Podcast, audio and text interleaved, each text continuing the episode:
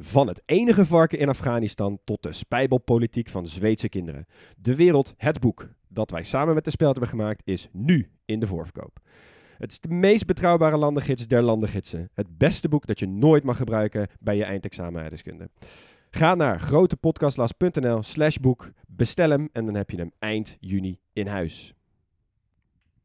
Hoi, wij zijn Thijs en Niels van de podcast Borrelpraat. De gezelligste podcast van Nederland. Waarin we grappige anekdotes vertellen.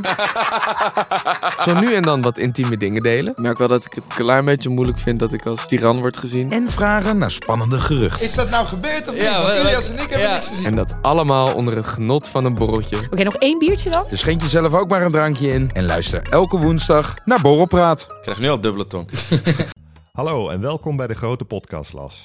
In deze podcast nemen drie geografen je elke aflevering mee naar één land. Aan de hand van een aantal vaste thema's in drie blokken vertellen we je de mooiste verhalen en de meest opvallende feitjes.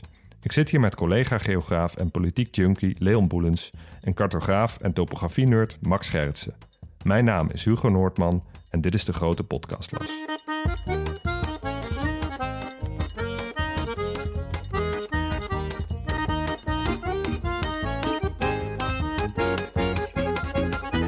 Oh, Kazachstan. Een aflevering met een vleugje persoonlijke liefde. Kazachstan is één van die landen die gemaakt is voor een podcast als deze. Groots in alle vormen en maten, maar toch het kleine broertje van. Helaas ook vaak proefkonijn voor allerhande extreme experimenten. Maar Kazachstan bleef lange tijd nog wel wat onder de radar voor ons Westelingen. Tot er in 2005 een opvallende film verscheen. Hoe kon een besnoorde idioot in een gele mankini zo rampzalig zijn voor het Kazachse imago? We kunnen in ieder geval niet zeggen dat Kazachstan sindsdien niet zijn best doet om zichzelf goed op de kaart te zetten. Welke onorthodoxe methoden ze daarvoor gebruiken? Luister maar. Aan het einde van de podcast beantwoorden we drie vragen. Waar moeten we dit land voor bellen als we een probleem hebben? Wat gaan we missen als het ophoudt te bestaan? En wat zouden wij doen als we één dag in dit land zouden zijn? Nou, voordat we beginnen, eh, even wat reacties op de afgelopen eh, afleveringen. Max, heb jij nog wat eh, moois gehoord? Ja, ik heb wel een mooie. Ik heb er eentje van Paul. Ehm, deze gaat specifiek over Ierland. Hij zei ze worden steeds beter. Nou, dat is sowieso mooi om te weten. Maar hij zei, wist je dat Lord Mountbatten, de lievelingsoom van Charles, door de IRA is opgeblazen? Oh, ben je? Ja. Eh, Hugo, heb jij, nog, eh, heb jij nog mooie reacties gekregen? Eh Barry's, tevens vriend van de show, zegt... Gasten, echt heel knap hoe jullie een land op zo'n leuke manier ontleden. Leuke combinatie van anekdotes, weetjes, quizjes en grappen. Geen moment verveeld. Nou, dank je Barry's. Mooie woorden. Eh, ik heb ook nog een mooie reactie eh, uit Australië, namelijk van Maxime. Die eh, zegt dat hij daar al een paar jaar woont en dat een van zijn beste maatjes daar uit Ierland komt. En dat hij via hem heeft begrepen dat de feitjes die wij in de Ierland-aflevering hebben verteld behoorlijk accuraat zijn. Hij komt zelf uit Belfast, uit een protestants gezin en zijn verloofde uit Cork, uit een katholiek gezin. Dus die, hebben, die zijn wel een redelijke verlichaming van, van de strijd al daar. Tof. We hebben ook nog nieuwe vrienden van de show. Eh, wel te weten, Jur van Hel, Gijs, René en Jonas. Kijk. Bedankt mannen. Ja, heel erg bedankt. Heel erg bedankt. Nou, terug naar eh Kazachstan. Hoe ging het? Zoveel zin in. Ja, heel veel zin in. Ja, misschien even een leuke persoonlijke ehm, introductie voor ons. Dit is het eerste land waar wij alle drie geweest zijn. En ook waar we met elkaar geweest zijn. Ja, Niet meer dan 24 uur, maar het waren onvergetelijke 24 uur. Volgens mij hebben we vooral heel misselijk in een bus gezeten. Omdat we de dag daarvoor iets verkeerd hadden gegeten in Oezbekistan. Ja, en we hebben Max' verjaardag gevierd. Ja, man, zeker man. ja. wat een drama. Maar goed, ik heb eh, me ontzettend vermaakt in de research naar dit land. Wat een goudmijn. Ja, ik denk ook dat wij in die, wat is het, drie weken dat we in Centraal-Azië zijn geweest met z'n drieën, ook wel heel erg verliefd zijn geworden op de regio. Dus eh, dat maakt het extra leuk om dit uit te gaan zoeken. Ja. Yes, laten we snel van start. Zeker. Nou, dan gaan we door met het paspoortje. Daar gaan we mee beginnen. Eigenlijk even alle basisinformatie wat je van het land moet weten voordat we beginnen. Kazachstan ligt in Centraal-Azië. En het grenst aan Oezbekistan, aan Kirgizië, aan China, bijna aan Mongolië en vooral heel erg aan Rusland. Ze hebben een grens van 7600 kilometer en daarmee is het de ene land, eh, langste landsgrens van de wereld. Oh, echt? En je voelde het quiz zo aankomen. Eh, Canada, Canada Amerika? Ja, bijna 8900 kilometer. Zo, oké. Klasse. Goed, de oppervlakte. Ehm, nogmaals, eh, mannen, eh, gefeliciteerd. Dit is het eerste land in de top 10. Oh ja? 2,7 miljoen vierkante kilometer. Dat is ongeveer net zo groot als Argentinië. Ja, dat zegt me nog niet zoveel. Hoeveel keer Nederland? Ja. Ja, zeg het. Uh, 100? Dat is moeilijk, hè, dit? Ja, geen idee. Ja, ruim 65 keer. Maar wel ongeveer net zoveel mensen als wij, 19 miljoen. En dat is al, ja, doe maar zelf een rekensom. Maar dat, uh, dat vertelt je ook al heel wat over het land dat we vandaag bespreken. Leuk om ook nog even te vermelden bij de oppervlakte... is dat Kazachstan het grootste land is dat niet grenst aan, een, uh, aan de zee. Ja, ja. Dus landlocked countries noemen we dat. En de Kaspische Zee telt niet dus? Dat telt in deze definitie nee, wel als meer, helaas. Nou, de hoofdstad is Noor Sultan, uh, 1,2 miljoen mensen. de grootste stad is Almaty. Is 2 miljoen mensen. Dat is niet meer de hoofdstad. Nou, uh, daarmee is het ook een van de minst dichtbevolkte landen van de wereld. En uh, komen we nog even op de religie. Dat is de islam, bijna drie kwart. En één op de vijf is ook christen. Nou, de taal is Kazachs. Uh, twee derde van de mensen spreekt dat. En Russisch wordt eigenlijk ook nog wel veel gesproken. Dus ze hebben twee officiële talen. De achternamen um, Kim, Kines, Omanov en Sultanov.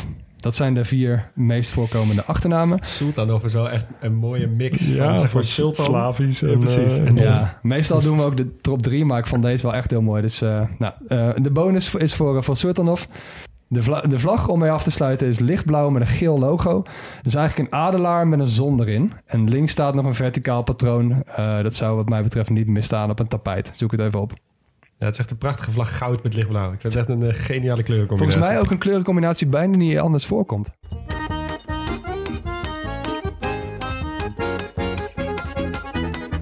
Nou, ik mag het even met jullie hebben over uh, de bevolkingsopbouw. Max, je zei al, uh, er wonen ongeveer evenveel mensen als in Nederland, maar het is veel groter. Dus uh, nou, dat rekensommetje heb ik even snel gemaakt.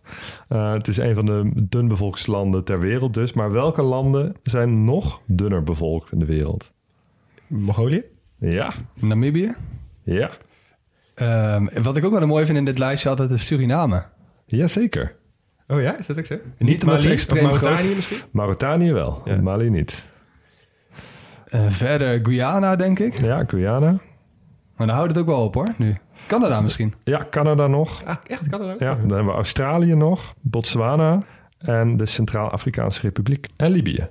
Oftewel landen met heel veel grote woestijnige middenplekken. Of juist toendra's zoals in, uh, of jungle. Canada. Ja, jungle, exact. inderdaad, Suriname. Ja. Mooi lijstje wel. Um, nou, als we verder kijken naar de bevolkingsopbouw... dan is één ding wel opvallend. Er zijn heel weinig bejaarde mannen. Ja. Dat zie je in, in veel oud-Sovjet-landen. Daar waar mannen vaak zwaar werk deden onder slechte omstandigheden. Waar alcohol ook nog wel eens een probleem is onder, uh, onder bejaarde mannen. Um, er, zijn voor, uh, er zijn ongeveer twee bejaarde vrouwen per bejaarde man in Kazachstan. Echt? En wat is bejaard? Dus boven 65? Ja. Dat is niet, niet een persoonlijke opvatting van nu gewoon, maar het is statistisch. Nee, even statistisch gezien, uh, we hebben het over mensen van 65 jaar en ouder. Ja. Om uh, te vergelijken met Nederland, nou, vrouwen worden ook in Nederland wel wat ouder. Uh, maar er zijn er ongeveer uh, vier bejaarde mannen voor iedere vijf bejaarde vrouwen. Um, nog even een quizje. Welke landen hebben een nog lager aandeel bejaarde mannen in de ja, bevolking? Rusland. Uh, ja, Rusland ja, is daar een van. Moet wel. Ja, en ik zou dan ook Wit-Rusland zeggen, Oekraïne, dat soort landen. Ja, Wit-Rusland, Oekraïne en de Baltische Staten nog. En er is één uh, niet-oud-Sovjetland wat ook in dat rijtje ligt. Noord-Korea? Ja. Noord oh. um, nou, even over de bevolking. Er wonen veel Kazachen. Kazachen, dat, uh, die maken ongeveer twee derde van de bevolking uit. En Kazachen, dat zijn Turkse mensen, dat is een Turks volk. De grootste minderheid, dat zijn de Russen. Dus ongeveer een kwart van de bevolking. En vroeger waren dat er nog wel veel meer. Je hebt kleine minderheden, dat zijn vooral andere Turkse volkeren... zoals Oezbeken, Oeigoeren en Tartaren. Ja, misschien moet je dat even uitleggen, dat Turkse volk. Want als, als jij zegt Turkse volken, ja, dan precies. denk ik mensen uit Turkije. Turkse volkeren. Ik dacht vroeger altijd van nou, dat zijn mensen uit Turkije, maar ook mensen uit Centraal-Azië worden Turkse volkeren genoemd. Um, en zo heb je ook Turkse minderheden in Kazachstan. Dat zijn namelijk Oezbeken, Oeigoeren, Tataren. Nou, ook um, uh, Azerbeidzjanen bijvoorbeeld en Turkmenen worden ook onder Turkse volkeren geschaard. Wat momenteel een kleine minderheid is in Kazachstan, dat zijn de Duitsers. Ja, dat zijn misschien niet helemaal verwachten. Ex expats? Nee, het zijn geen Duitse expats, in tegenstelling tot. Um, uh, je weet misschien dat Duitsers zich um, in de afgelopen eeuwen verspreid hebben over Centraal- en Oost-Europa. Van Transylvanië tot de Baltische Staten. Overal vond je wel Duitse minderheden. Vooral rond 1939, 1945. Ehm, ja, vooral in die tijd was dat inderdaad ook een reden om misschien iets meer aanspraak te maken op gebieden in het oosten dan ze op dat moment hadden. In die periode woonden er ook Duitsers in Rusland, in de buurt van wat toen Stalingrad was. De Volga-Duitsers werden die genoemd. Echt een fantastische naam. Echt een fantastische naam. En tot mijn verrassing, want dit wist ik niet, hadden zij een Volga-Duitse autonome socialistische Sovjetrepubliek. Wat? Dus er was een autonome republiek binnen de Russische Sovjetrepubliek, waar Duitsers de meerderheid waren. En dat waren heel veel.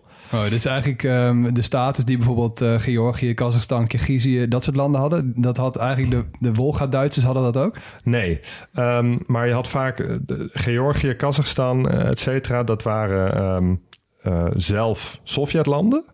Maar binnen Sovjetlanden had je ook weer autonome regio's. Die had je in, in heel veel landen, in Rusland de meeste. En een daarvan was dus de Volga-Duitse Socialistische Sovjetrepubliek. Het is eigenlijk een soort matroeska-poppetje van Sovjetstaten. Ja, eigenlijk wel. Van steeds van ja. kleiner, groter naar klein. Ja, ja, maar dus uh, wel zo'n grote uh, minderheid dat ze daar, en dat, daar een zekere autonomie hadden. Nou, je kunt bedenken wat er in 1941 gebeurde. Stalin die vond het uh, niet zo heel tof dat er een heleboel Duitsers in zijn achtertuin woonden. Dus die heeft ze verplaatst. Een groot deel naar Siberië, maar ook een groot deel naar Kazachstan.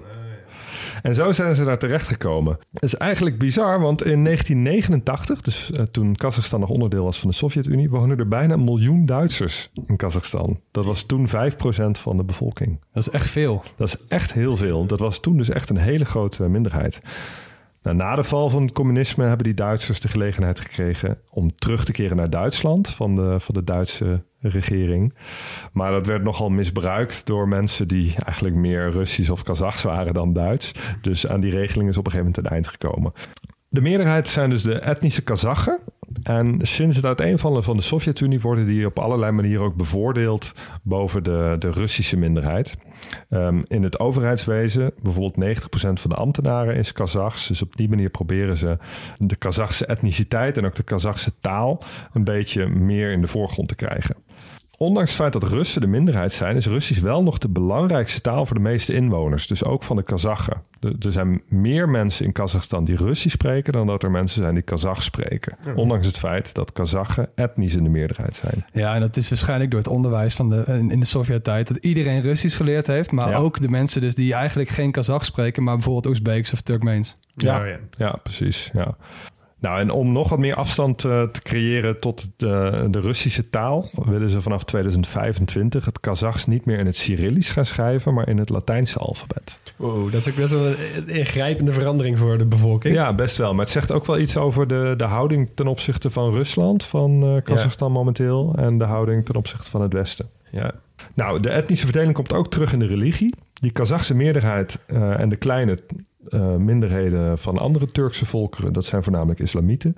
En de Russen, dat zijn uh, met name Russisch-orthodoxe christenen.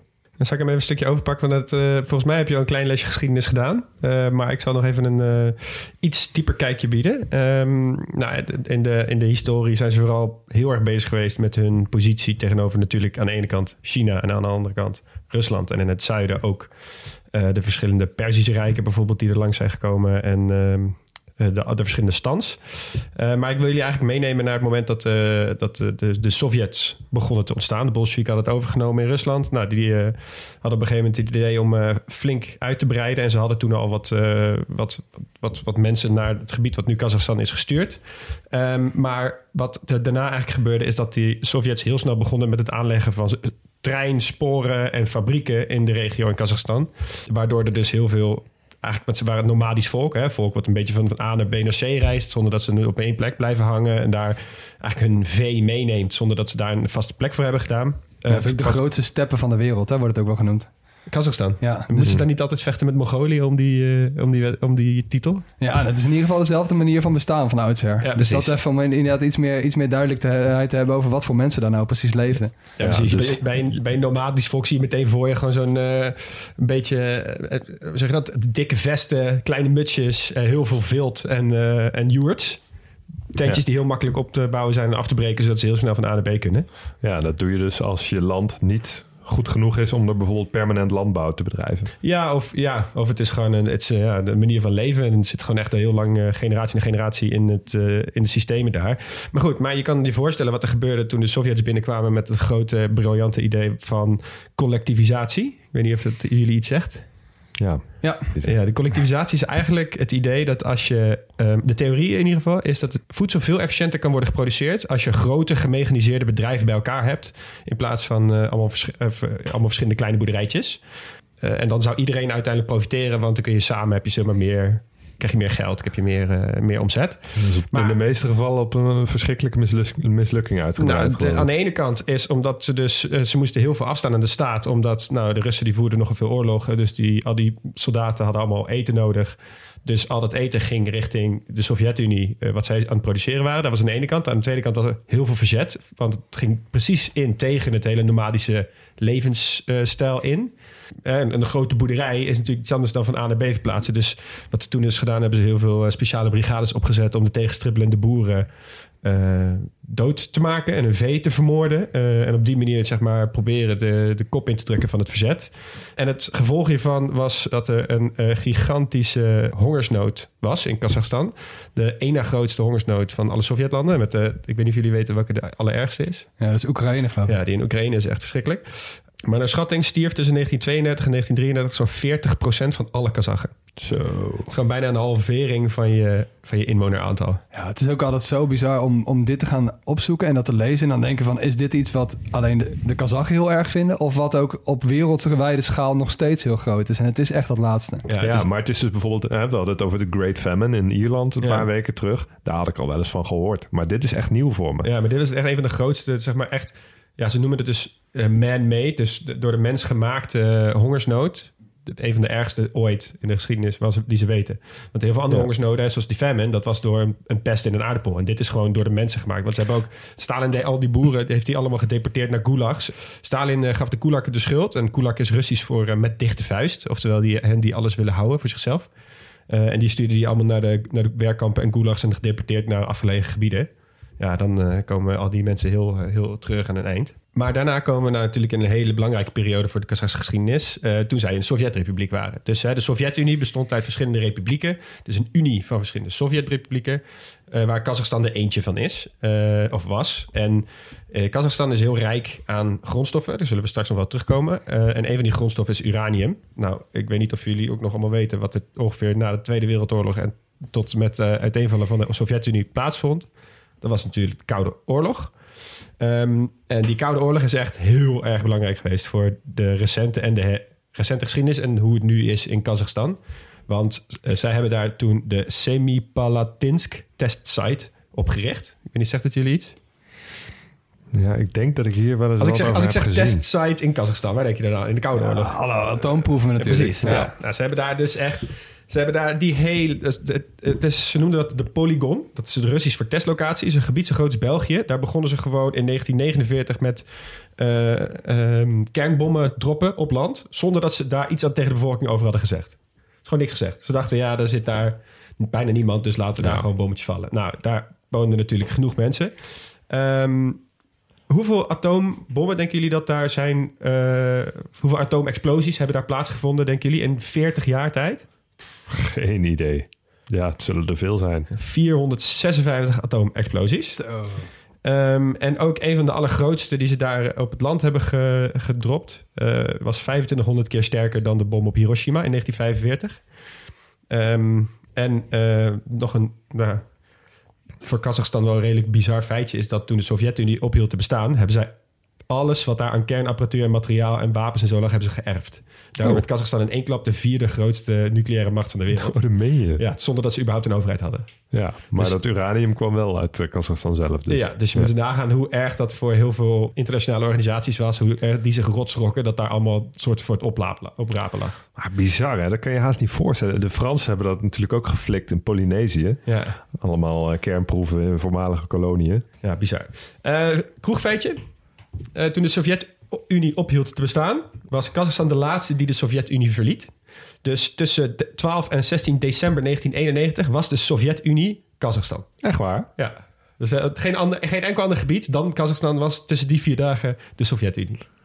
Wat gaaf. Ik, als ik hun was, was ik dat gewoon gebleven. Ja, toch? Ik zie Max heel moeilijk kijken. Dus, dus zij... Hè? Die, ah, toen, de Sovjet-Unie viel uit elkaar. Uh, en toen hebben ze allereerst het Russisch gebied heeft gezegd: Oh, wij zijn geen wacht. Sovjet-Unie Oké, dus nu Rusland ging Rusland heten en zij waren het laatste stukje dat nog de Sovjet-Unie Exact. Dus zij voor vier Oh. dagen was zeg maar de, de kaart van de Sovjet-Unie was de kaart van Kazachstan. Wauw. Echt gemiste kans. Ja, om niet echt. gewoon te zeggen, nou oké, dan zijn wij voortaan de Sovjet-Unie. Ook een gemiste kans om die kaart te kopen. Als ik die ooit in handen krijg. Bovenaan de medaillespiegel op de Olympische Spelen gestaan. Dat is over de geschiedenis. Nou mannen, we hebben het lang gehad over de Sovjet-tijd. En ehm, we moeten het ook nog even hebben over de politiek van nu. En dat kun je op heel veel verschillende manieren in een land kun je dat bespreken. Maar we moeten het in het geval van Kazachstan eventjes hebben over Nursultan Nazarbayev. Zeker. En ik hoor mensen denken, wie is dit? En, eh, want hij is helemaal niet zo heel bekend volgens mij in, in grote delen van Nederland en de westerse wereld. Maar hij is ehm, een van de langst regerende niet-vorsten van de wereld geweest. Wanneer was dat? Precies na de Sovjet-tijd tot 2019. Toen is hij ermee gestopt. En ik heb net even gekeken. hè. Vorige week was het precies 30 jaar geleden dat hij aan de macht kwam. Oh, je. Wow. En dat En, is hij ehm, dus 28 jaar gebleven. En eh, nou goed, dat gaat natuurlijk niet met elke keer ehm, vrije democratie eh, en verkiezingen winnen. Maar goed, we gaan, eh, we, gaan, we gaan hem even behandelen.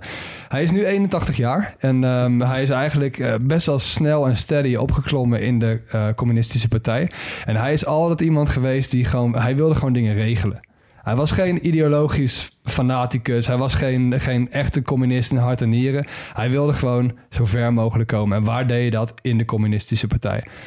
Hij heeft ook op een gegeven moment gezegd: Als ik een boeddhist had moeten worden om mijn ambitie te verwezenlijken, dan was ik een boeddhist geworden. In mijn geval werd ik lid van de Communistische Partij. Maar een goed lid ook. Nou, uiteindelijk in 1991, toen Kazachstan zelfstandig werd, dus eh, onafhankelijk werd, was hij de enige naam op het stembiljet. En hij was destijds was hij al de baas van de partij. Maar het ging eigenlijk zo: eh, je had 100.000 handtekeningen nodig om op het formulier te komen. En die regel die hebben ze rechtstreeks overgenomen van Rusland. Maar ja, in Kazachstan hebben ze natuurlijk veel minder mensen. Dus het is echt krankzinnig moeilijk om, om aan die 100.000 handtekeningen te komen. Dus dat is niemand gelukt behalve hij. En eh, nou, toen is hij dus de president geworden met 98,8% van de stemmen. Ja, dat is gewoon wel een eh, goede eer van alle oud-Sovjet-republieken, toch? Ja, behalve dat hij dus echt een hele stabiele ehm, kracht is geweest. Dus heel veel mensen nadat hij stopte dachten ook van hoe gaan, we, hoe gaan we het nu doen? Want ze hebben het eigenlijk nooit heel anders geweten. Want is zijn, is zijn populariteit ook altijd groot geweest dan? Of is die 98% een beetje tot stand gekomen op manieren zoals die wel vaker tot stand komt in oud-Sovjetlanden? Nou, ik zou daar in ieder geval van uitgaan. Want het was niet echt een heel vrije partijsysteem, vrije democratische verkiezingen. Maar laten we niet vergeten, je moet alles dingen in, in perspectief blijven zien natuurlijk. Die mensen eh, uit Kazachstan, die kwamen rechtstreeks uit de Sovjet-Unie. Dus die wisten eigenlijk ook helemaal niet wat een vrije verkiezing was. Nee. En dus je hebt best wel een grote, nu redelijk moderne klasse. Jonge mensen bijvoorbeeld, die, die zien ook hoe het anders kan in de wereld. Dus het begint nu wel wat beweging in te komen. Maar heel lang is dit gewoon de waarheid geweest.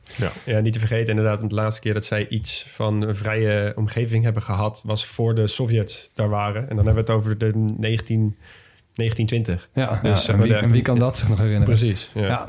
Nou, eh Nazarbayev heeft het land echt economisch gezien ehm, toch wel redelijk stabiel opgebouwd. Eh Kazachstan is best wel een rijk land geworden daarna. En ehm, hij heeft dat eigenlijk allemaal gedaan. Hij heeft de meeste rijkdom van zijn land eigenlijk recht, rechtstreeks uit de grond gehaald. Ja. Want met al het oliegeld wat er in, eh, in Kazachstan verdiend wordt, daar heeft hij echt zijn land mee opgebouwd. Ehm, dus het economisch ontwikkelen van zijn land nam hij heel serieus. Maar hij nam ook nog iets anders heel serieus. En dat was eigenlijk de plicht om zijn eigen voetafdruk in de geschiedenis zo groot mogelijk te maken. Ja. Want ehm, nou, het was natuurlijk niet een land met heel veel vrijheid. Hè? Ehm, politieke vrijheid, meningsuiting, eh, nou, persvrijheid. Dat, dat stond niet zo heel hoog op zijn agenda. Maar hij vond het wel heel belangrijk dat hij zelf gewoon zoveel mogelijk mooie megalomane projecten bouwde. Nou, dat is ook wel een, een kleine niche die wij heel interessant vinden Ja, in. Centraal-Azië. En ehm, de belangrijkste stap die hij daar heeft, heeft gezet... is eigenlijk het verplaatsen van de hoofdstad van Almaty naar Akmola in 1997. Almaty lag iets te dicht bij China naar zijn idee. Hij wilde het centraal in het land hebben. En hij wilde meer grip hebben op het noorden... waar meer etnische Russen woonden. Dat zie je al in meer landen. hè? Ik bedoel, dat, zien we, dat heb je natuurlijk gezien in, eh, in Australië, maar ook bijvoorbeeld in landen als Spanje. Ja, en dat is leuk dat je het zegt... want hij wilde hiermee ook een beetje op Atatürk lijken. En die Ja, heeft dat dus ook ja, gedaan Ankara. met Ankara. Tuurlijk, ja, ja. Dus dit was zijn project. Nou, Akmola was helemaal niks in 1997. Ik heb hier feitjes of eh, foto's van gezien. Laten we ook wel even zien op de socials. Dat was echt een dorre vlakte.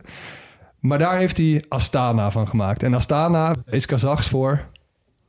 Vrije plaats. Zo- zon. Voor hoofdstad. Oh, oh je? Ja, en daar heeft hij vanaf, eh, vanaf dat hij dat heeft gedaan, heeft hij al zijn oliegeld ingestopt. Dus dat is echt een krankzinnige hoofdstad geworden.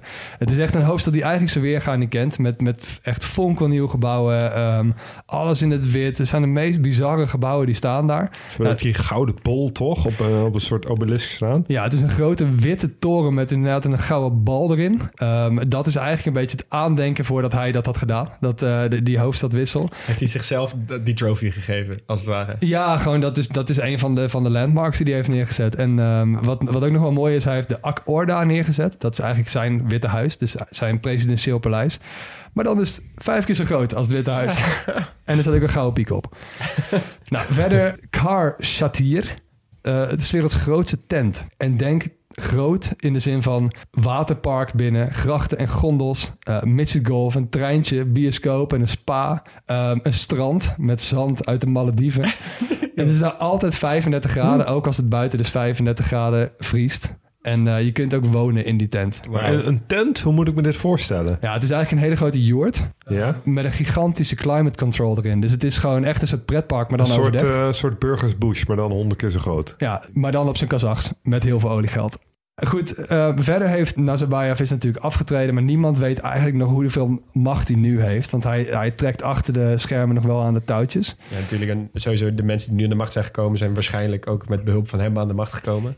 Ja, en met instemmen van, het, eh, van, van zijn opvolger heeft hij ook even zijn grootste afscheid aan de wereld aangekondigd. Namelijk, Astana is weer van naam veranderd en heet sinds 2019 Noor Sultan. Yes. Zijn voornaam. Is er iets wel, als er iets wel dictatoriaal schreeuwt... dan is het wel... laat ik de naam van de hoofdstad veranderen in mijn voornaam. Ja, Ja, dat en is hij wel heeft heel bijvoorbeeld ook eh, zijn verjaardag is ook een nationale feestdag. En eh, nou goed, over zo'n persoon hebben we het hier. Maar het is dus heel. ehm, het, het is maar net wie het vraagt of hij echt een hele goede leider is geweest. Kijk, eh Kazachen hebben daar natuurlijk niet, eh, net iets ander beeld van dan wij hier in het Westen. Dus eh, een hele interessante materie.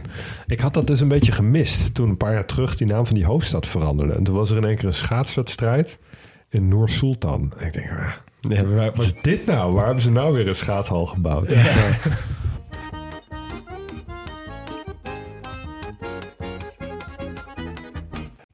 Stop de podcast. Je vakantiegeld komt eraan, dus het is tijd om jouw reis te boeken. En onze sponsor van vandaag heeft een dikke kortingscode. En die sponsor van vandaag is Sawadi, niemand minder. Dit is een reisorganisatie en vakanties zijn natuurlijk duur, dus dit aanbod is extra interessant deze tijd. Ik vind dat altijd een mooie organisatie, Sawadi. Ja, ja ik ook wel. En Ja. ze bieden verschillende soorten eh, groepsreizen aan. Eh, en vandaag gaan we het even hebben over die ze aanbieden aan de 22 tot 35-jarige backpackers. En dat zijn over het algemeen mensen die wel wat meer willen weten over het land dat ze bezoeken. En dus niet zomaar van A naar B die hotspots aflopen, busje in, busje uit.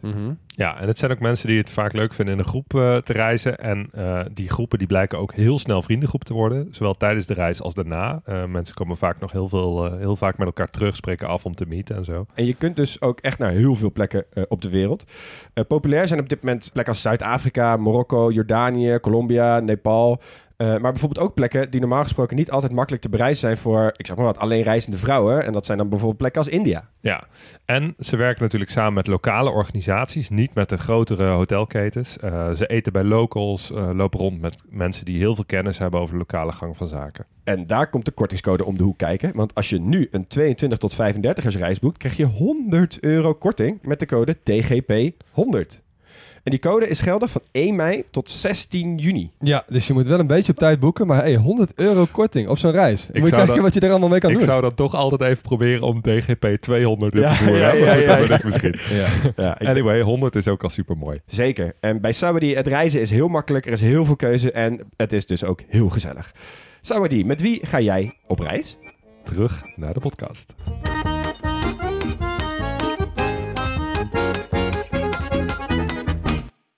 Nou, dan gaan we even door naar de fysische geografie van Kazachstan.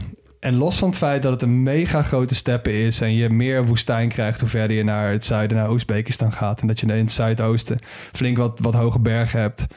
Moeten we het even hebben over de grootste ecologische ramp die in de wereldgeschiedenis heeft bestaan. En dat is het Aralmeer. Ja. En het Aralmeer ligt deels in Kazachstan en deels in Oezbekistan. En Aralmeer was in 1960 het op drie na grootste meer van de wereld. Nou, het was ongeveer twee keer zo groot als België. En stel je even voor dat je toen een reisgids had uh, uit die tijd en je, je, nu heen gaat en dan denkt van, nou, zo'n meer, dat gaat nergens heen. Nou, dat meer is dus voor 90% opgedroogd. Ja, bizar. Het lag er ooit best wel mooi bij. Um, heel veel vissen. Het was echt best wel een, een rijke economie die eromheen hing. Maar de, de, Sovjets die hadden eigenlijk andere plannen met de regio. Want uh, ze vonden dat het hele stuk woestijn uh, ter hoogte van Oezbekistan er eigenlijk maar een beetje doorbrei lag. Nou, was heel improductief. Dus daar wilden ze iets van maken. Uiteindelijk um, besloten ze dat daar katoen moest gaan groeien. Nou, Super. Uh, iets veel water nodig heeft. Ja. Precies. En katoen is een ontzettend water um, slurpende, uh, slurpend gewas is het. En dat zijn ze eigenlijk en masse gaan, uh, gaan, gaan produceren daar. Midden in nou, de woestijn. Nog steeds is Oezbekistan het op zes na grootste land qua katoenproductie. Echt na landen als China, India, de VS. Nou, dan weet je wel ja. wat, er aan, wat er aan de hand is. Puntje, het Aralmeer is dus nu bijna geen meer meer, want het is bijna volledig droog komen te liggen. Wow. Het, het, regent daar ook bijna niet. Um, ik heb dit even uitgezocht. In de twee dagen regenval die we afgelopen jaar in Limburg hadden, is al meer gevallen dan in een jaar rond, rond het Aralmeer ongeveer. Mm. 100 mm neerslag valt daar ongeveer per jaar. Dus dat is, uh, dat is echt krankzinnig weinig. Maar dat, het regende daar vroeger meer. Vanwege dat het water daar meer wateroppervlakte, meer water werd opgenomen. Dus ook meer regen in de regio? Of is het altijd al zo droog? Nou, dat valt dus al mee. Uh, het, waren vooral, het was vooral de aanvoer van het water dat, dat volledig werd afgesneden. Want je had, um, je had heel veel rivieren die kwamen eigenlijk van ver. Um, vanuit Oezbekistan, vanuit, vanuit de bergen daar. En door het feit dat ze nu die rivieren gingen aftappen voor de katoenproductie, kreeg de Adermeer eigenlijk kregen ze helemaal geen, geen watertoevoer meer. Dus op die manier is echt bijna alle vis gestorven. Um, de, de hele visserij is stil komen te liggen. En al die tijd hebben de Sovjets dit geweten. En ze vonden simpelweg die katoenproductie gewoon net iets belangrijker. Dus ze hebben dit gewoon heel bewust hebben ze dit gewoon laten, laten vergaan.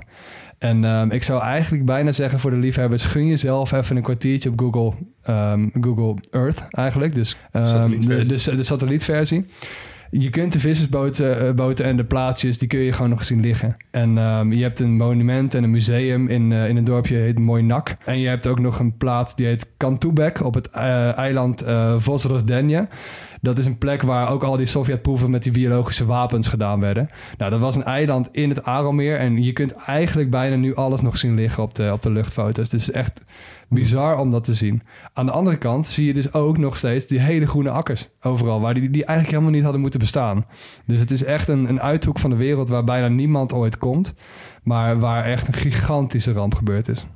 Ja, bizar. Ik die, die, iedereen kent die plaatjes wel van die drooggevallen schepen en van die, uh, van die oude karkassen die daar echt nog op droge liggen. Ja, het lijkt me heerlijk om daar een keer heen te gaan. Het zoutgehalte is toch ook heel erg toegenomen in het meer? Ja, want uh, het, het, meer is steeds zouter geworden omdat bijna alles is verdampt. Dus daarom konden die vis ook niet meer leven. Ja, wat de economie betreft uh, van Kazachstan is heel interessant. Nou, je zei net al dat ze al die olie hebben ze gepompt in het land. Uh, daardoor, daarmee zijn ze ook verreweg de sterkste economie van Centraal-Azië geworden.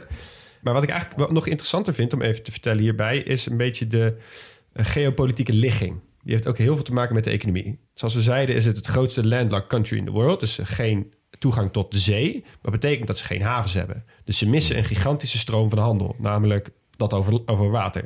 Maar ze hebben wel heel veel grondstoffen. Wat er normaal gebeurt met een land met goede grondstoffen, dan leg je de infrastructuur aan, zorg je dat het naar het water gaat, dan kan je het vanaf daar verschepen naar andere landen. Maar zo niet Kazachstan, want die hebben geen havens. Dus uh, voor hun is het heel interessant geweest om hele goede leidingen aan te leggen voor hun olie. Maar die moet per definitie door andere landen. Daardoor hebben ze dus goede banden met Rusland al gehad in het verleden. Um, maar ze hebben dus ook hele goede banden met de Verenigde Staten. En dan, dan kijken jullie aan, en waarom denken jullie dat dat is? Uh, vanwege de geopolitieke belangen van de Verenigde Staten in de regio. Precies, ja. Dus toen, uh, toen Kazachstan uitriep dat ze onafhankelijk waren, was, was de VS een van de eerste die meteen zei: Ja, wij erkennen jullie als onafhankelijke staat. Daar zijn de Kazachen ze nog steeds heel dankbaar voor. Dus daar hebben ze nog steeds hele goede banden. Maar ze hebben dus ook, als een van de weinige landen ter wereld, ook nog goede banden met China. China. Dus ze hebben goede banden met Rusland, China en de Verenigde Staten. En dat is vet interessant voor hun, want zij zijn in die regio daarom echt een hele belangrijke pion. Uh, maar met China, dat is eigenlijk misschien wel een van de meest interessante, hebben ze hele goede banden. Omdat, en nu ga ik iets aanstippen wat we uh, waarschijnlijk in de komende podcast nog heel vaak gaan uh, omschrijven. En wat je, waar je steeds ook veel meer gaat, over gaat horen in het nieuws. Dat is namelijk de zogenaamde nieuwe zijderoute. Nou, de nieuwe zijderoute werd in 2013 in Kazachstan geïntroduceerd door China. Door Xi Jinping. Ehm, en die, die term, nieuwe zijderoute, die verwijst eigenlijk naar de oude zijderoute. Die vroeger hele, dat is een, eigenlijk een route die liep van, ja, ten tijde van Marco Polo, van het, helemaal het West-Europa, via Noord-Afrika, uh, door het Midden-Oosten, door Iran richting China. En dat is een super belangrijke culturele en uh, uh, economische route geweest. En die probeert China nu een soort nieuwe leven in te blazen, zowel over land als over water. En die over land gaat eigenlijk gewoon dwars door Kazachstan. En het idee is hierbij, is dat China zijn, zijn positie, dus zijn hegemonie in de regio heel erg probeert te versterken. Dus China betaalt als het ware heel veel infrastructurele projecten in verschillende landen om daarover al die grondstoffen te verplaatsen. Dus stel je voor, China klopt aan. Hoi, jij bent, een, jij bent een land wat misschien economisch niet zo heel lekker gaat. Wij hebben heel veel geld, want China heeft heel veel geld. Wij betalen jouw wegen, wij betalen jouw treinstations, we betalen jouw wagonnetjes. We, betalen, we sturen zelfs de mensen die voor jullie de, de wagonnetjes op de gebouwde rails gaat zetten. Ja, ja. leg een vliegveld voor jullie aan. Leg een vliegveld voor jullie aan. Nou, dit is uh, volgens verschillende schattingen een van de allergrootste infrastructurele projecten in de geschiedenis ooit. En nou, bear with me here. Dit zijn even cijfers die ik genoemd. Er zijn 68 landen betrokken bij dit project. Dat was in 2017 ongeveer 65% van de hele wereldbevolking. En 40% van het mondiale bruto binnenlands product. Ja, ik vind het zo'n interessant onderwerp, joh. We moeten hier ook gewoon even een keer een thema over ja, aflevering over maken. Hier, dit, dit is zo groot. Bij deze hier gaan we een keer een thema aflevering over maken. Ja. dit is echt iets bizars. Dit heeft zoveel impact op de wereld hoe dit, als dit uh, zich uh, gaat uh, ontvouwen. Ik heb ooit gelezen, misschien even leuk voor tussendoor. Een van de langste routes van de, Chinese, van, van de nieuwe zijderoute is uh, Yiwu. Van bij Shanghai naar Madrid per trein. Hoeveel dagen? Hmm. Ja, dus door Kazachstan. Ja. Drie uh, weken? Negen? Zo, 21 dagen. Precies goed, Zo, uh, Leon. Ding, ding. Wat goed. Kijk, puntjes. Knippen die negen er maar uit. Eigenlijk, ik heb er een beetje over na zitten denken van wat die relatie van Kazachstan nou precies is met die buurlanden. En um, ik kwam eigenlijk gewoon meer op het idee van een student die ineens uit huis gaat. Dat Rusland als een ouders zijn met wie hij best wel een ingewikkelde relatie heeft. Centraal-Aziatische landen, dat zijn eigenlijk zijn oude buurjongens. En het Westen en China zijn gewoon zijn nieuwe studiegenoten. En hij merkt dat hij ineens dat hij best wel goed in de markt ligt. Dus iedereen wil iets van hem. Ja. Lekker metafoor, Max. ja, mooi toch? Ja, zeker. Ja, en zijn ouders kijken eigenlijk heel wantrouwig naar, naar al zijn nieuwe contacten. Maar hij is eigenlijk ook gewoon een beetje arrogant en stoerder geworden dan zijn oude buurjongens die niet zijn gaan studeren. Dat is eigenlijk een beetje de manier waar, waarop Kazachstan zich nu positioneert in de wereld, toch? Ja, zeker. Ja, ook wel slim ergens, want uh, je ziet dat heel veel nieuwe landen heel erg naar één wereldmacht trekken. Met als gevolg dat je met alle andere ruzie hebt. Ja, het is, het is een beetje uh, if you're not with us, you're against us. Weet je wel, ja. dat, dat, dat idee. Dat heeft Kazachstan eigenlijk van zich afgeworpen. En die houdt dus goede banden met alle drie. Ja. En er zijn echt weinig landen in de wereld die dat op zo'n...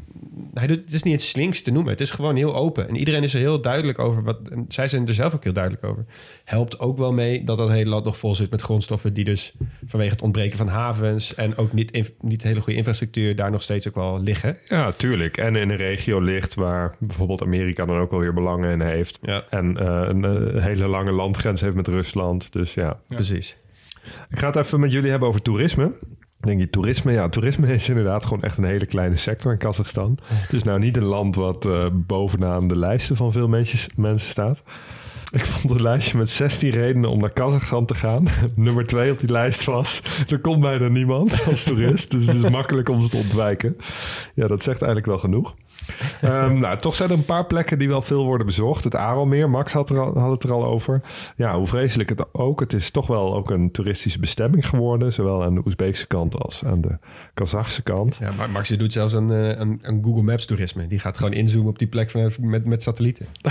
ja, maar ik heb het over mensen die er echt aan toe gaan. Ja, precies. Ook, ja. Ja. Ik versta best dat dit interessant is. Ik weet eigenlijk niet of het ook zo wordt uitgebuit als aan de Dodenzee. Met allemaal resorts met zoutbaden en dat soort dingen. Ja, maar ik denk ook niet dat mensen heel, heel erg geneigd zijn om lekker in een plek te gaan baden waar ze biologische wapens getest oh, hebben. Ja, dat, dat was daar natuurlijk ook. Ja, en er woont daar ook helemaal niemand, hè? Nee. Je, moet, je moet per definitie ver reizen om daar te komen. Ja, ja, dat is natuurlijk zo. En ook nog een onherbergzaam gebied. Dus moet je waarschijnlijk een of andere taxi aanhouden bij de grens. En dan met een of andere Noor Sultan mag je dan uh, 23 uur in de auto zitten. ja, daar moet je maar zin in hebben. Een andere populaire bestemming is Turkestan. Turkestan is uh, een van de bekendste steden aan de oude zijderoute. Die heb je ook veel liggen in Oezbekistan. Maar Turkestan is, uh, is een historische stad. Uh, spirituele hoofdstad van de Turkse wereld wordt het al genoemd. Okay.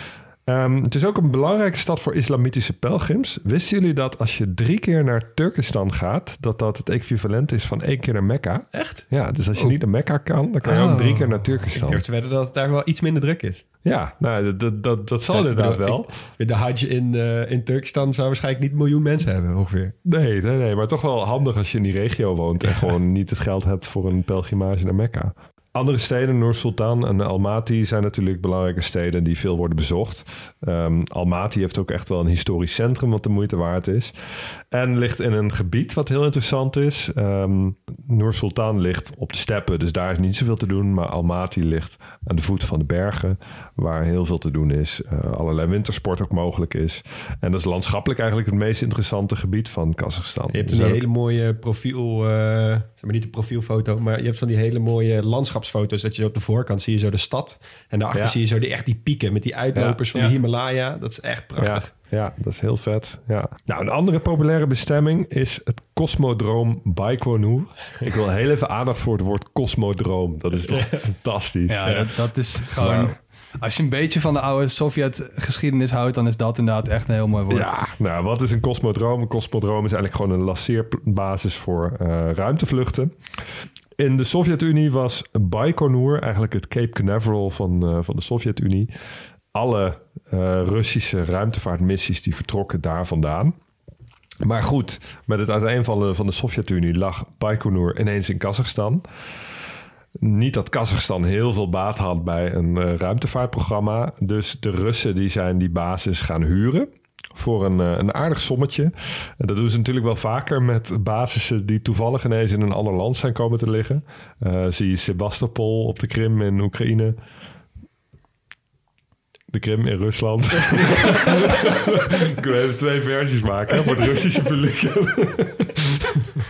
Waar de, de Zwarte Zeevloot was gestationeerd, die ze eh, nou, toch graag een, een plekje wilden houden. Zo ook met Baikonur, dat wordt dus gehuurd. Tijdens de Koude Oorlog moest die basis geheim blijven voor het Westen, de ligging daarvan. Dus is hij vernoemd naar een plaatsje, Baikonur, wat op een hele andere plek in Kazachstan ligt. Eh 300 kilometer verderop. Zou die mensen verkeerd, eh, vaak verkeerde post ontvangen, of niet? Ja, waarschijnlijk wel. Waarschijnlijk wel. Ja. Inmiddels is het stadje rondom de basis wel ook Baikonur genoemd. Eh, want er is een stadje gebouwd natuurlijk waar, er, waar mensen die op de basis werken kunnen wonen.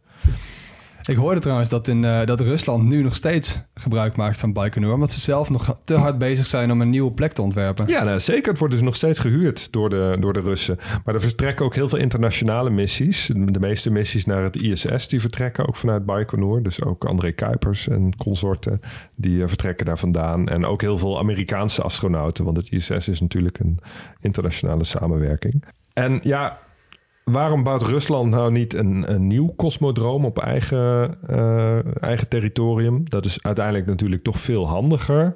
Ja, dat is zo. Maar dat is natuurlijk ten eerste heel erg duur. En ten tweede is het voor een kosmodroom belangrijk om dicht bij de evenaar te liggen. Hoe dichter bij de evenaar, hoe beter. Want dan kun je gebruik maken van de draaiing van de aarde... bij het in een baan van de aarde brengen van raketten. Daarom ligt Cape Canaveral ook in Florida... en niet in eh, Vermont bijvoorbeeld. Ah, ja. En Rusland heeft niet zo heel veel grondgebied op die breedtegraad. Wel, wel sommige stukjes, maar ja, dan ga je richting de Caucasus... en daar heb je weer andere, andere problemen. Dat is toch mooi, hè? Ben je met afstand het grootste land van de wereld... dan moet je alsnog bij een ander land even eh, je, je, je, Ja, je, ja. je ruimteschepen omhoog Ja, het kan gaan. wel, maar het is, het is, het is gewoon makkelijker Maar als je wat wel- dichter bij de evenaar zit. Ik snap wel dat je dichter bij de evenaar, maar we hebben, we hebben het hier niet over Kenia. Kazachstan ligt, echt- dat ligt ten hoogte, het zuidelijkste Nee. Kazachstan ligt ongeveer ten hoogte van Zuid-Frankrijk. Ja, nee, zeker. Maar het, het kan ook prima. Je kan ook op de Noordpool raket afschieten. Alleen het, ga- het is gewoon efficiënter als je het op een lagere breedtegraad doet. Dus hoe dichter bij de evenaar, hoe beter. En Kazachstan is dan prima. Nou, wat, ehm, wat kan je er nu doen? Ehm, nou, het wordt dus nog heel veel gebruikt. Maar toeristen die kunnen er bijvoorbeeld ook terecht om een lancering bij te wonen. Maar ook voor een vlucht om eh, gewichtsloosheid mee te maken in een, eh, in een toestel.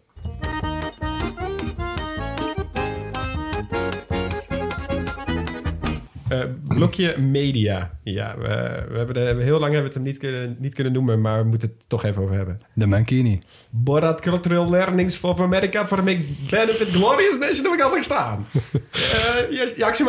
uh. Nou, dit is natuurlijk de, de iconische film van Sacha Baron Cohen, Britse komiek, die hij had gemaakt, zogenaamd over het land Kazachstan. Maar waarvan feitelijk ongeveer het enige wat er uit die film klopt, was de positie van het land op de kaart. En verder klopte helemaal niks. De taal die hij sprak was gewoon een mix van een beetje Jiddisch. Uh, met gewoon uh, verzonnen woorden, Pools en Roemeens. Het is allemaal opgenomen ook in een Roemeens dorp. Al die mensen die die gypsy noemt, dat zijn ook echt gypsies in Roemenië op het platteland geweest.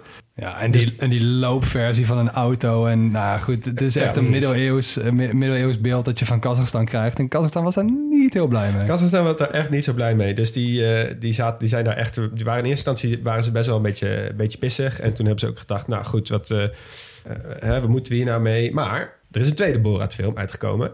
En toen hebben ze wel bedacht, oké, okay, wacht even. Door die release van die eerste film heeft Kazachstan het aantal visa dat hij afgeeft tien keer verhoogd. Dus zeg maar, het beste, ja. hoe zeg je dat, beste reclame voor het land ooit ja. was die film. Ja. Ik voel een uh, narco's aankomen. In principe uh, ook anti-reclame is reclame. Precies.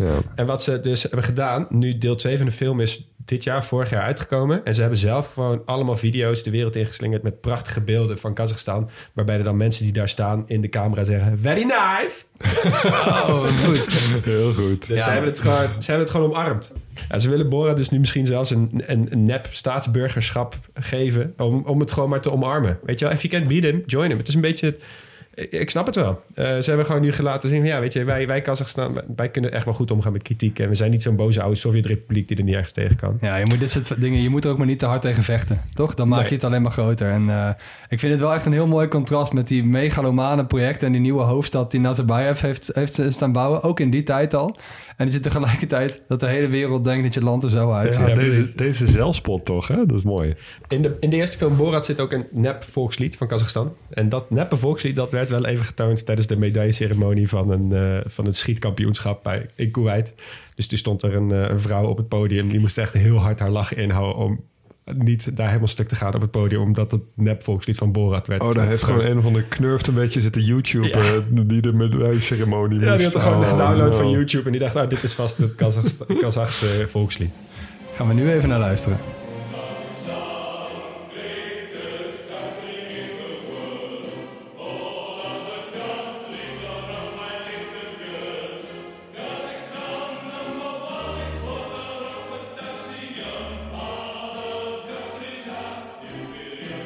Ja, wat heerlijk. Ik, uh, ik moet even kleine, um, ik moet even bekennen, de luisteraars, dat uh, Leon Hugo en ik hebben het net de dag voordat we naar, naar Kazachstan gingen, in een trein in Oezbekistan Borat gekeken.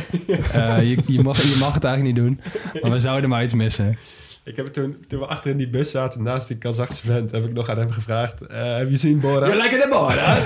toen kreeg ik me toch een partij boze blik. Dat ik meteen niks meer tegen hem durven zeggen. Dat snap ik. Man, we moeten het nog even over de keuken hebben. En de keuken is nou niet echt een reden voor mensen om naar Kazachstan te gaan. Ik kan me niet echt herinneren dat wij heel vies gegeten hebben daar destijds. Maar het is wel een, een keuken die niet heel hoog op de internationale lijsten staat. Um, het is vooral veel, veel vlees. Het is melk, het is stoofpot, het is brood. En het vlees is ook vooral heel vet. Uh, het is echt voer, gewoon echt nomadisch voer... Dat, dat je gewoon zo sterk mogelijk moet houden. Jakmelk. En jakmelk, ja, absoluut. Jakmelk, paardenmelk. Ja, dat, uh, ja. ja, dat, dat gaat er wel in in Kazachstan. Echt gefermenteerde paardenmelkproducten, toch? Ja, je hebt dat kumis met een heel licht alcoholisch. Ja, wij hebben dat niet gedronken, hè, geloof ik. Maar dat is wel echt... Dat is wel echt uh, nou, een van de grootste uitdagingen van mensen die naar Centraal-Azië gaan. Ja. Ja. Nou, wat wel interessant is, is um, die, die keuken... Um, je hebt uh, een meneer gehad die heet uh, Anastas Mikoyan. Uh, was de minister van voedselproductie in de, in de Sovjet-Unie. Die vond ten tijde van nou, ergens halverwege de vorige eeuw... dat het land moderner moest worden qua eten. Dus hij is heel veel gaan reizen en hij heeft heel veel innovaties naar zijn eigen land gehaald. Zoals het maken van ijsjes bijvoorbeeld. Dat kennen ze nog helemaal niet. En hij heeft eigenlijk een nieuw boek uitgebracht. Kniga o Vkushnoi Zdorovoy Pistje. Dat is eigenlijk de uh, Book of Tasty and Healthy Food.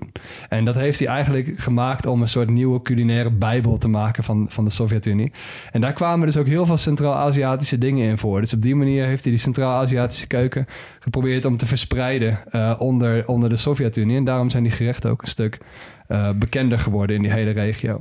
Een kritiek daarop was dat hij heel veel technieken en producten in het boek uh, beschreef... die de gewone Rus helemaal niet kon betalen. Die, dat was vaak helemaal niet te krijgen.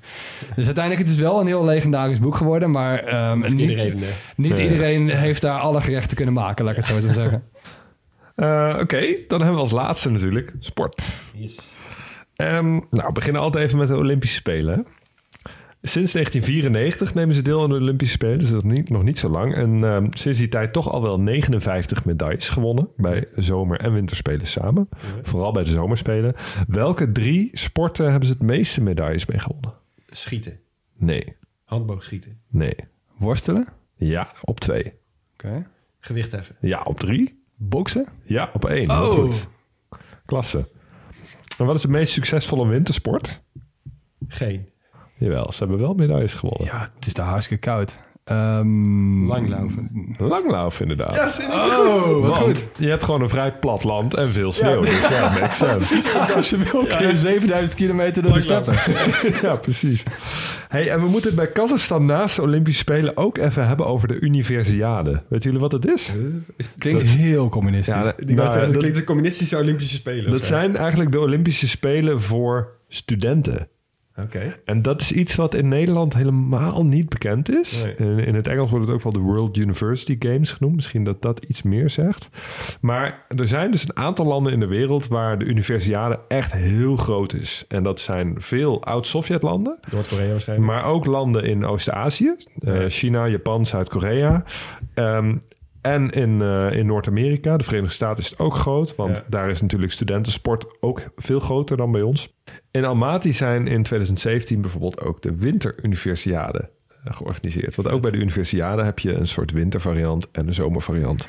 De sporten die er gedaan worden zijn vergelijkbaar met uh, de Olympische Spelen. Zijn er iets minder, maar wel, uh, wel vergelijkbare uiteenlopende. Waarschijnlijk echt een heel groot evenement dat compleet langs ons heen kan gaan als Nederlander. Ja, ja, nou ik ging toch even op de medaillespiegel aller tijden kijken. En Kazachstan staat hierin toch maar één plekje hoger dan Nederland. Dus wij doen wel, wel degelijk wel eens mee. We winnen ook wel eens wat.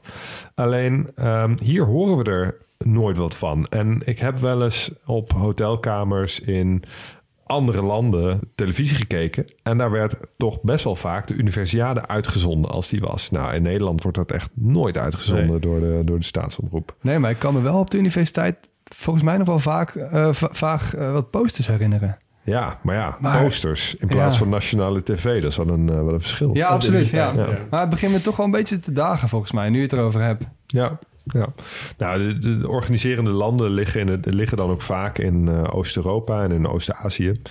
Um, maar uh, ook Duitsland uh, organiseert het over een paar jaar in het Roergebied. Nou, student, als je dit hoort, geef je op. Laat even weten hoe het was en stuur even wat fotootjes door. Ja. Ja. Lijkt, me, lijkt me echt ook een, een, een recipe voor disaster om Olympische Spelen voor studenten met z'n allen in het Olympisch dorp ergens in het zuiden van Kazachstan compleet afgesloten van de rest van de wereld. Nou, ik zou het wel weten hoor. Feestje. Zo, als zeker. je kan, zou zo gaan. Almaty heeft zich ook tot twee keer toe uh, kandidaat gesteld voor de organisatie van de echte Olympische Winterspelen. Dus tot twee keer toe, ja, helaas toch in mijn ogen niet geworden. In de buurt van Almaty ligt een beroemde schaatsbaan, Medeo. Zegt jullie dat iets? Ja, wel van de van de good old days. Ja, nou, ik, ik volg graag schaatsen. Medeo is een schaatsbaan en het mooie daaraan is... die ligt op 1691 meter hoogte. Dat is dus heel erg hoog. En dat betekent dat je ijle lucht hebt, weinig luchtweerstand. En dan kan je dus heel hard schaatsen. Bovendien ligt het in een vallei zo gelegen dat je vaak wind mee hebt op die baan. Dus er waait een soort uh, circulerende uh, wind. En moet je nagaan dat dit ook nog lag in een, in een Sovjetland Waar ze nou, niet heel vies waren van een dopingje of twee, toch? Dat is rond die tijd. Dus daar moeten wel wereldrecords voor zijn. Rusland nog steeds verbannen van de Olympische Spelen, toch? Sterker nog, uh, vanaf de jaren 50 tot midden jaren 80 werden vrijwel alle wereldrecords in het schaatsen daar gereden. Maar echt niet alleen maar door, uh, door uh, Sovjet-schaatsers, ook, ook door schaatsers uit het Westen. Er werden gewoon veel internationale toernooien georganiseerd. En ja, dat was verreweg de snelste baan. Nou, sindsdien zijn schaatshallen meestal overdekt. En dan kan je natuurlijk toch nog wel weer harder, want dan is de ijskwaliteit een stuk beter.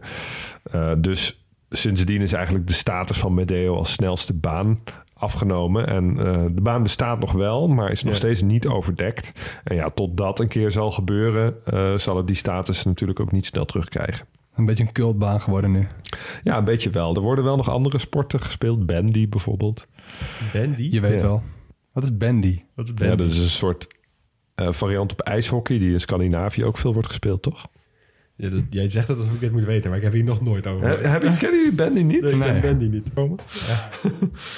Dan moeten we het even nog hebben over het Astana wielerteam. Alexander Vinokourov. Hey. Het heeft Kazachstan veel exposure bezorgd dat ze een wielerteam hebben... wat de naam van de, of de voormalige naam van Ja. de hoofdstad eh, droeg.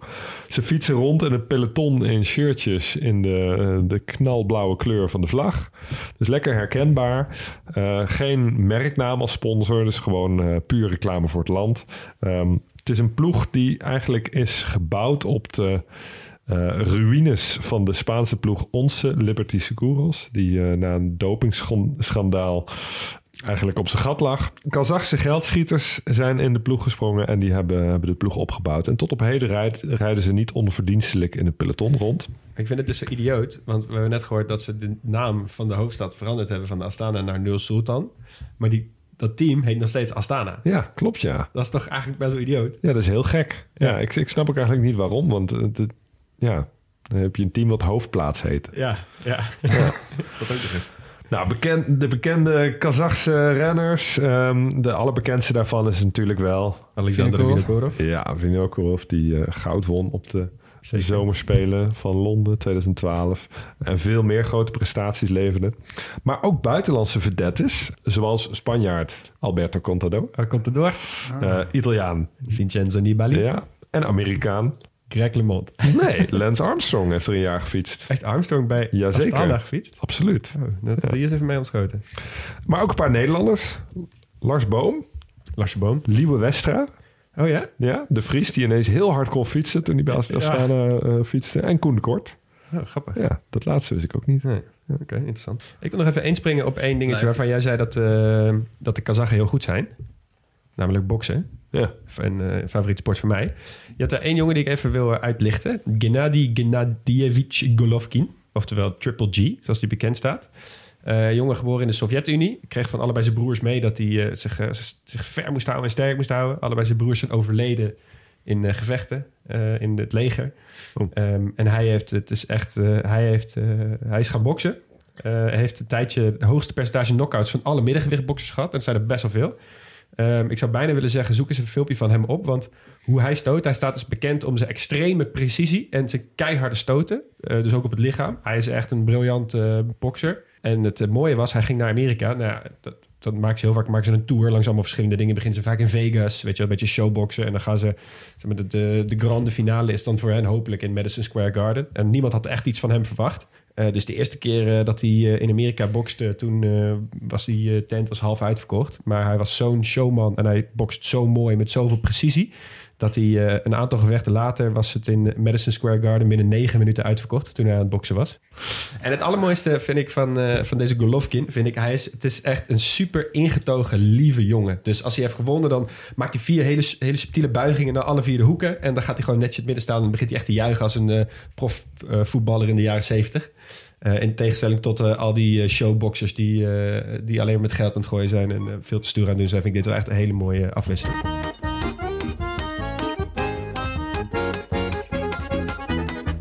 Nou, eh, dan komen we aan bij de vragen, jongens. Eh, wat gaan wij missen als Kazachstan nu ophoudt te bestaan?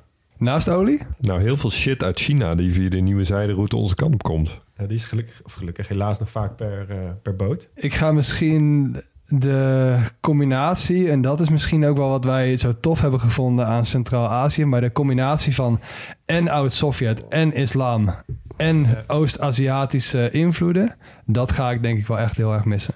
Ja, ik ook die perfecte mix van eh, zeg maar vriendelijke mensen die je altijd hartelijk ontvangen met wodka. dat is het een beetje. Ja. Eh, als eh, wij problemen hebben, waar moeten wij Kazachstan voor bellen?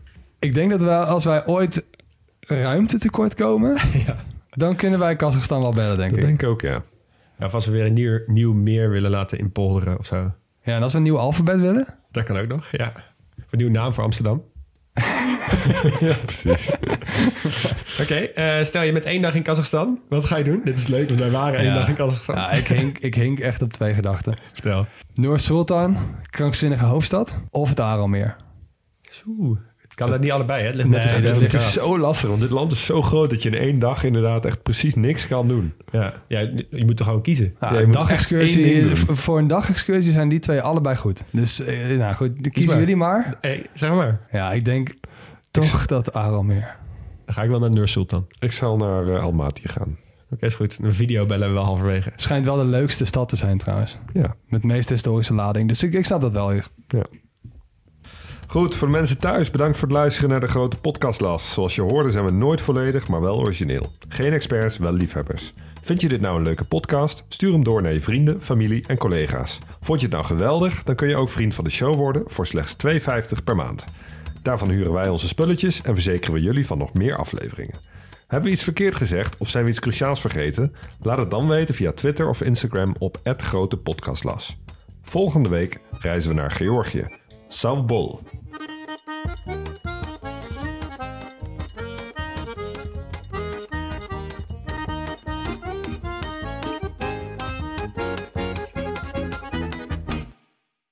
Luisteraar, luister je nog steeds? Klasse man, je hebt er gewoon helemaal afgeluisterd. Nou, nu je tot hier bent gekomen, koop dan ook gelijk even ons boek hè. grotepodcastlas.nl slash boek.